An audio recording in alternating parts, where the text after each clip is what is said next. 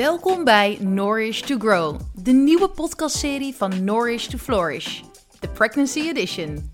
Ik ben Sophie Meurs, ortomoleculair therapeut en in verwachting van ons eerste kindje. Je hoort het al, we gaan het in deze podcastserie hebben over zwangerschap, moederschap en alles wat hierbij komt kijken. Ik neem jullie van week tot week mee in mijn eerste zwangerschap. De mooie, maar ook de minder mooie kanten. Ook mijn gasten zullen jullie een inkijkje geven in hun kennis, visie en ervaring over zwangerschap en het moeder zijn. Ik kan niet wachten om jullie mee te nemen in deze ongelofelijke reis. Luisteren jullie mee?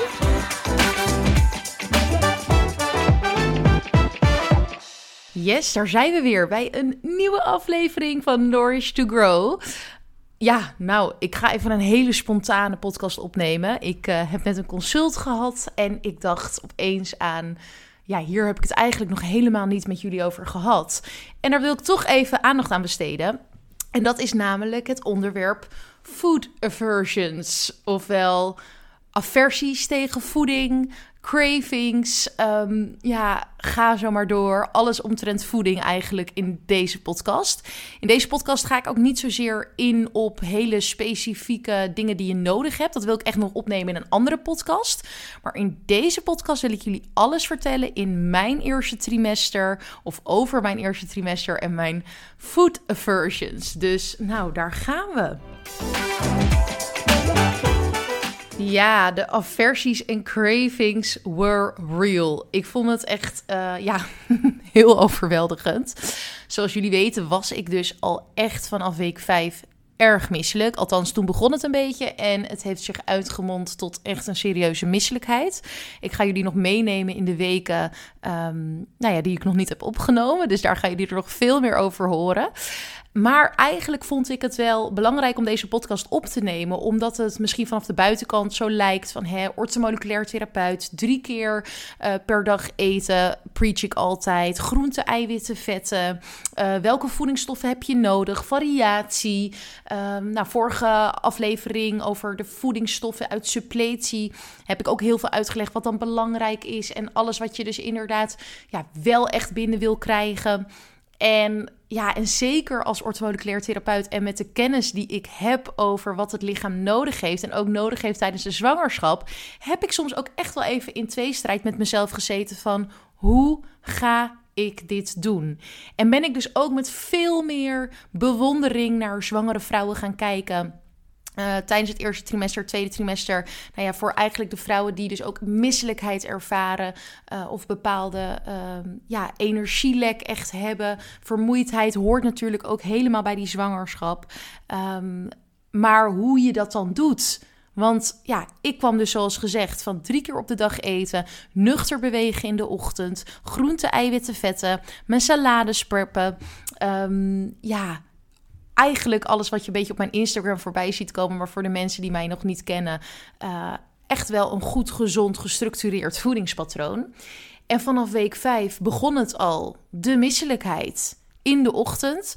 En nou ja, nu had ik al inderdaad van uh, meerdere mensen gehoord, ook al gelezen, ook al geadviseerd aan zwangere klanten. Zet wat crackertjes naast je bed, wat Maria-kaakjes. Skip dan even je, um, ja, om gluten te vermijden, dat idee. Want dat, uh, ja, dat werkt dan gewoon echt eventjes niet. Je kan natuurlijk wel boekwijdcrackertjes nemen. Je kan glutenvrije koekjes nemen. Maar voor mij was dit gewoon echt even makkelijker. Heb ik wel natuurlijk die boekwijdcrackers gegeten.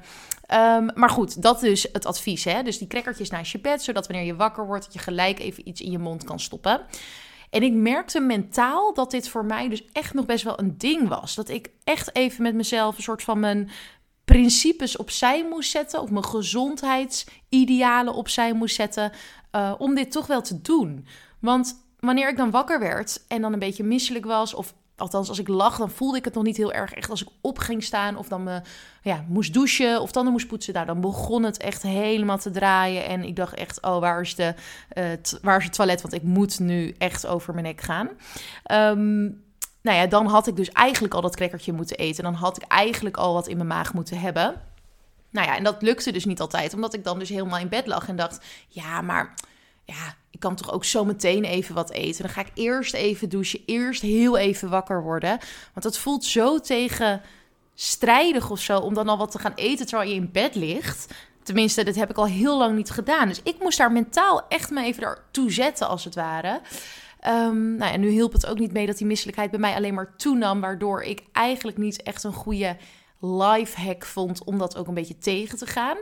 Uh, al met al, dit wordt een beetje een warrig verhaal, maar ik had daar dus echt wel moeite mee. En ik snap dus ook nu wel goed dat, kijk, ik kan als orthomoleculair therapeut dus wel zeggen, hè, tijdens mensen of uh, bij mensen in de zwangerschap, van probeer inderdaad uh, goed volwaardige maaltijden te eten. Maar wat ik merkte, ik moest en zou ook suiker hebben. Dat was het enige waar ik naar hunkerde. En ja, had je het over groenten, had je het dus over eiwit, had je het over vetten. Ja, dan ging ik daar echt niet goed op. Ik heb op een gegeven moment een moment gehad, dat was volgens mij in week 6, dat ik een uh, eitje had gekookt op werk. Dat ik dacht, nou dan maak ik wat bottenbouillon. Hè, bottenbouillon bevat veel collageen. Ik dacht, de bouw van het skeletje van het kindje. Het is heel goed ook voor de darmen. Um, nou ja, ik dacht, dat moet ik, dat is gewoon hartstikke gezond. Er zitten heel veel mineralen in. Dus ik lekker boombrot gemaakt, eitje gekookt, een halve avocado erbij. Nou, een volwaardige, chille maaltijd, denk je zo. Nou, ik neem een hap van dat ei en ik dacht echt, holy mother, punt. Wauw. Ik, nou, dat is echt. Ik heb daar gewoon echt serieus drie maanden heb ik daar echt last van gehad dat ik gewoon geen ei meer durfde te eten. Nou ja, al met al, dat was het ei-verhaal, dus dat ging ook niet goed. En wat heb ik dan wel gedaan? Ja, s ochtends dus die boekwijdcrackers met roomboter. Dat deed ik er dan wel op, vanwege de vetzuren. En jam, want ik wilde dus die suikers. Want dat, ja, dat, dat, dat was echt letterlijk het enige wat goed ging. En zo dacht ik ook van oké, nou daar moet ik dan maar echt even aan toegeven. En dus die principes opzij zetten en daar dan voor gaan. Nou, je kan natuurlijk ook fruit op je cracker doen, maar ja, dit was gewoon bij mij gewoon echt even het ding. Ochtends wakker worden, boekwijdcracker, roomboter, jam. Nou, twee van die crackertjes en ik was gewoon alright. Ik was niet, niet meer misselijk, maar het ging. Het ging gewoon. Dus dat was heel fijn. Ehm, maar ja, je moet je dus even voorstellen dat dat dus al een hele omslag is van waar ik vandaan kom. Nou, dan het volgende waar ik me over verbaasde was de hoeveelheid als in uh, frequentie van maaltijden die ik moest. En ik zeg echt moest eten, want anders ging het ook gewoon niet goed. Want echt elke, nou ja, minstens twee uur moest ik zorgen dat er iets in die maag zat. En dat noemen ze ook wel dat laagje op die maag, hè, waardoor je wat minder misselijk bent. Maar ik merkte gewoon dat ja, na anderhalf uur begon die misselijkheid weer zo op te zetten dat ik het eigenlijk niet meer hield. Dus dat ik weer iets moest nemen. Nou, dat waren vaak dan toch weer die crackertjes uh, met jam. Maar ik probeerde dus ook uh, een cracker met avocado of een uh, glutenvrij broodje die Tom zelf dan maakt, heel lief, met avocado te eten. Soms wat verkruimelde feta erop. Dat, vind ik dan, dat vond ik altijd hiervoor heel lekker. Feta verkruimelen met wat olijfolie, venkelzaad en chilivlokken. En dat, ja, dat ging ik dan lekker mixen. En dat verkruimelde ik dan een beetje zo op die avocado, zodat ik ook wat eiwitten zou binnenkrijgen. Nou, dat ging uh, ene dag goed, de andere dag wat minder goed. Maar dat was op zich ook nog wel weer een go-to geworden. Dan had ik verder, um, ja, wat had ik dan nog meer wat ik heel erg uh, deed? Nou, dus elke twee uur moest ik in ieder geval wat eten. Uh, nootjes gingen op zich oké. Dat was op zich ook lekker om te nemen. Fruit ging goed. Dus echt inderdaad de zoetigheid vond ik heel fijn. Um, ja, wat ging dan absoluut niet goed bij mij? Ja, dat waren echt de groentes. En ja, tot, echt tot mijn verdriet. Want ik hou van groentes. Echt het liefst elke dag vier, vijf soorten. Gekookt, gebakken, gegrild, uh, gestoomd. Ja, in mijn smoothie. Ik deed het overal doorheen. Maar Oké, in een smoothie ging het prima en dat probeerde ik dan ook wel. Maar ik kan nog steeds, moet ik nu zeggen, hè, ik ben nu uh, inmiddels 14 weken nu ik dit opneem. Um, nog steeds kan ik niet echt genieten van groenten. Zo had ik gisteren nog een salade gemaakt. En dat doe ik nu ook echt wel, omdat ik wel echt die voedingsstoffen weer binnen wil krijgen. Maar dan uh, had ik er, zaten er stukjes gegrilde courgette in. Nou ja, je maakt me er gewoon echt niet meer blij mee. En het is echt, ja, ik doe het echt omdat ik weet dat de voedingsstoffen uh, erin zitten en dat ik die binnen wil krijgen. Maar het liefst eet ik gewoon de hele dag door brood met boter, met kaas, met avocado, ehm, veel koolhydraten. Dus ja, dat is gewoon het liefst wat ik eet op het moment. Maar goed, die groentes toen der tijd was echt een ja, tot overmaat van ramp gewoon. Uh, uiteindelijk heb ik Tom gevraagd, heel lief, om voor mij te koken s'avonds. Dat deed hij dan ook met heel veel liefde.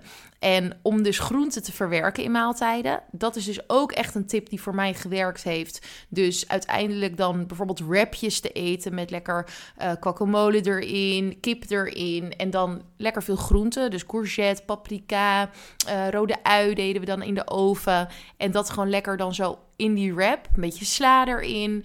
Nou, dan krijg je toch alweer wat binnen. Dus dat was heel top, want dan krijg je toch wel met die wrap, hè, dat is dan weer carbs. Dat gaat op zich allemaal lekker. Nou, dat uh, kreeg ik ook allemaal goed binnen. En uh, bijvoorbeeld een risottootje met echt heel veel groenten. Ik heb op een gegeven moment gewoon twee volle bakken van 500 gram aan shiitakes en kastanje champignons en dat soort dingen gekocht. Dopertjes, asperges. Nou, ik uh, had volgens mij een grotere pan groenten dan dat er risotto in zat. Maar middels de risotto kreeg ik het dus wel weer binnen. Dus dat is eigenlijk wat ik een beetje heb ondervonden. Dat ik wanneer ik er dus iets van koolhydraten bij at, ehm, waardoor ik me wel een soort van satisfied voelde, dat ik het wel binnenkreeg. En als ik echt sec groente kreeg, ja, dan ging het gewoon echt mis. Er is ook één keer geweest dat Tom die had een, uh, een salade heel plain van met romanesla, tomaatjes, pijnboompitjes. Nou, eigenlijk simpeler krijg je hem niet. En uh, je haalt hem voor mijn neus neergezet en ik heb er naar gekeken. En ik dacht, dit gaat hem gewoon niet worden. En ik heb er gewoon niet gegeten. Dus ik heb heel, moet zeggen, ik heb wel echt minder gegeten in het eerste trimester. En daar maakte ik me ook dus best wel een beetje zorgen om. Um, ja, omdat ik toch gewoon heel bewust ben van welke voedingsstoffen ik binnen wil krijgen. Uh, waar dan die voedingsstoffen in zitten. En ik wist gewoon, dit krijg ik nu niet binnen. En ik leef met name gewoon op koolhydraten. En dat is op zich heel belangrijk, want je, moet, je hebt die energie ook nodig. Hè? Dus het is ook niet zaak dat je geen koolhydraten eet. Maar ik miste voor mijn gevoel wel echt dat stukje vetzuren. Dat stukje groente met alle vitamines en mineralen. Uh, fruit. Nou ja, dat nam ik dan wel, probeerde ik dagelijks te nemen. Maar dat ja, was ook niet altijd dan weer mijn voorkeur. Uh, en dan denk ik ook dat je nu kan denken van... Hé, het was niet je voorkeur. Want heel eerlijk dacht ik ook voorheen zo van... Als mensen zeiden, ja, ik kan dat echt niet eten. Dan denk ik, ja, het is gewoon omdat je liever een roze koek neemt dan een, um, een, uh, een stuk uh, paprika, bij wijze van spreken. Maar ja, het is gewoon echt, als je zo misselijk bent, dan ben je al blij met alles wat je binnenkrijgt. En uh, ja, als dat dan dus een cracker met jam is, dan is dat dus maar even zo. Dus in dat opzicht um, is die voorkeur die je dus hebt, is dan ook gewoon echt even hetgeen wat lukt. En uh, daar ben ik dus ook milder naar gaan kijken. Uiteindelijk milder naar mezelf, maar ook milder naar anderen. En voor mij is dat echt wel een goede, goede leerschool geweest. Um, maar ik vond het wel dus heel pittig. En ik maakte me er dus ook best wel druk om, om die voedingsstoffen.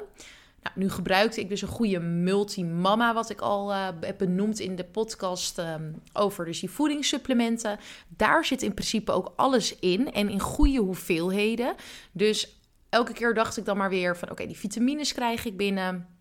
Uh, dat gaat in ieder geval helemaal goed. Ik hoef het niet uit te spugen, dus dat gaat ook goed. Dus nou, oké, die misselijkheid nemen we dan maar eventjes voor lief. En ook dus de voedingskeuzes die daar dan bij komen kijken.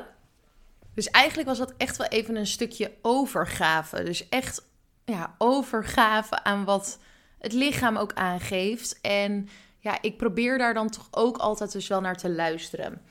En uiteindelijk heb ik, um, dus het eerste trimester ben ik echt, echt, echt heel misselijk geweest. Jullie gaan er nog alles over horen. Of hebben misschien, als deze podcast uh, online staat, er al misschien over gehoord van mij. Maar ja, het was echt heel intens. En dan is het gewoon ook even behelpen. Maar ik zei net al even, ik ben nu 14 weken. En nu probeer ik dus wel weer wat meer groente binnen te krijgen. Ik moet heel eerlijk zeggen dat het nog steeds dus niet mijn voorkeur heeft. Maar dat het nu wel beter lukt. Waardoor ik er wel veel voor kies. En dat voelt heel fijn. Dat ik gewoon echt kies van oké, ik zorg ervoor dat ik die voedingsstoffen nu binnenkrijg. Want het lukt me weer. Ik ben niet meer zo misselijk.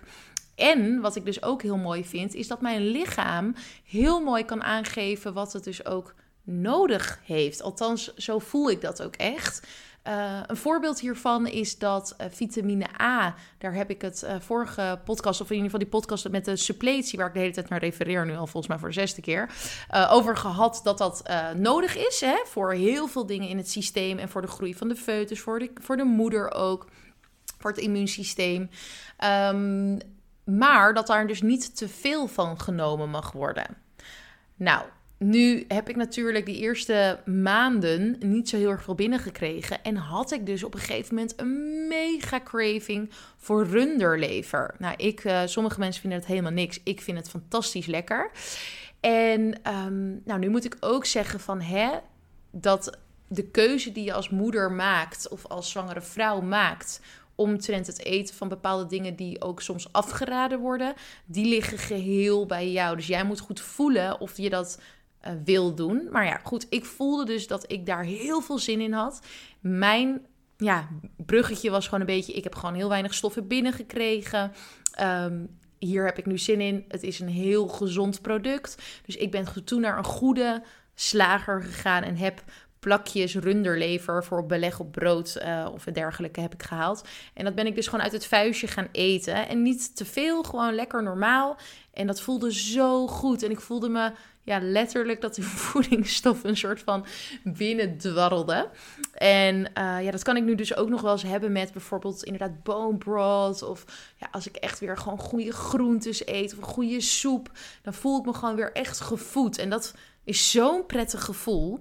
Ja, en dat is dus wel, heeft echt wel wat weken geduurd. Maar eigenlijk de boodschap, want we zijn nu inmiddels al 15 minuten verder met echt praten over nou ja, wat ik allemaal wel of niet kon eten. En ik heb ook al eerder in de podcast volgens mij aangegeven van ik wil eigenlijk vooral de focus leggen op alles wat je wel kan eten. Dus die podcast die gaat er ook zeker komen. Maar dit is eigenlijk, deze podcast wil ik nu opnemen om wat meer herkenning en erkenning te geven aan vrouwen die hier doorheen gaan van oh ik maak me best druk, krijg ik wel genoeg binnen, um, nou ik eet zo en zo. Ik, uh, want ik denk dat de mensen die naar deze podcast luisteren ook affiniteit hebben met het ortomoleculaire stuk. En dus ook uh, bewustzijn van voedingsstoffen die ze binnen willen krijgen. Uh, en dat dat dus ook zorgen met zich mee kan brengen. Dat je denkt van, oh shit, krijg ik dit nu allemaal wel binnen? En ja, heb ik het nu allemaal wel op paraat? Of is het allemaal wel goed voor het kindje? Maar het één ding wil ik je altijd meegeven. Het kindje pakt wat het pakken kan en moet. En ook zeker als je in die preconceptiefase gewoon super gezond hebt geleefd en gegeten, mag je al het vertrouwen ook hebben dat alles er is alles is tot het beschikking van het kindje. En dat is gewoon de mooiste geruststelling die er is. Dus als jij dan inderdaad maar dat crackertje met jam kan eten. Of, uh, nou ja, ik heb uh, ook wel echt uh, pindakaas, hagelslag, neem het. Als dat het gewoon dan maar even is, dan is dat het ook maar even zo. Als je dan maar gewoon zelf even weer ja, je beter voelt, of minder misselijk bent, of minder moe bent, of op die manier even wat voeding binnenkrijgt, ja, dan is dat gewoon even wat het is. Dus ik wil je bij deze geruststellen. Na een aantal weken zal dit oké zijn. Ja, er zijn natuurlijk ook die HG-zwangerschappen en vrouwen die echt nog veel misselijker zijn dan dat ik ben geweest. Dus um, ja, daar moet ik dan ook zeker aan denken. Dat ik denk, jeetje, dat is echt, echt een struggle. Maar ook voor jullie vrouwen Doe wat kan, wat goed voelt. Ehm, zoek hulp als dat uh, moeilijk is of dat het mentaal moeilijk is. Want ik um, ja, snap nu echt als geen ander dat het mentaal een struggle kan zijn. Maar ik wil jullie ook geruststellen dat het kindje alles pakt wat het moet pakken. En dat het uiteindelijk dus uh, ja, helemaal goed komt. Nou, ik wil deze podcast gewoon lekker zo afsluiten. Nu weten jullie een beetje de gekke cravings van een orthomoleculair therapeut in de zwangerschap. dus wat heb ik gezegd? De jam met de roomboter. Ja, de pindakaas met hagelslag kwam net even voorbij. En vooral veel koolhydraten. Ik hoop dat ik ook wat tips heb kunnen geven voor het verwerken van groenten. En ik spreek jullie en zie jullie volgende keer weer. Heel veel liefs. Leuk dat je geluisterd hebt naar de Nourish to Grow, de Pregnancy Edition van Nourish to Flourish. Mocht je nou meer willen horen, abonneer je dan op deze podcast. Mocht je het echt super leuk vinden, dan zou je mij er enorm mee helpen om deze podcast 5 sterren te geven en te beoordelen. Als je contact met mij wil, iets wil vragen of iets wil delen, stuur mij dan gerust een berichtje via Instagram at Mijn naam is Sophie Meurs en ik wens jou een hele fijne week toe. Tot de volgende keer.